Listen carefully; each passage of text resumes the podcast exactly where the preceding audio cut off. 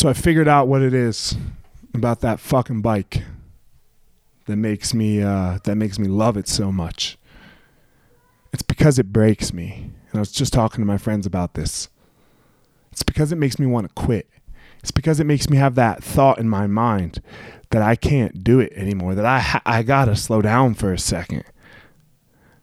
It makes me feel like like I'm to fail. But then I pedal again. Right? I, I just rotate it through one time. And when I rotate it through that one time, it like brings me back to life and maybe not all the way where I was, maybe not as good, maybe not as skillfully as I was doing it before, maybe not at the same cadence and at the same power output, and maybe not any of that.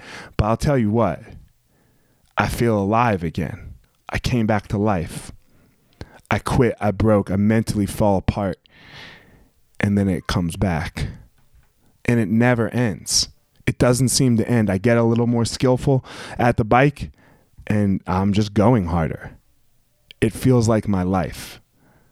It feels like that, oh, it's that kick in the ass to remind you that you never got this, that this shit's a fight, that you got to keep digging, that you got to keep pedaling. If you just keep pedaling, everything's going to be okay. But you've got to keep fucking pedaling.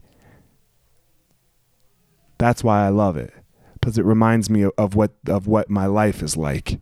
I don't ever have this. I don't ever got it. I have never made it. It's every day, one pedal stroke at a fucking time. Find your power.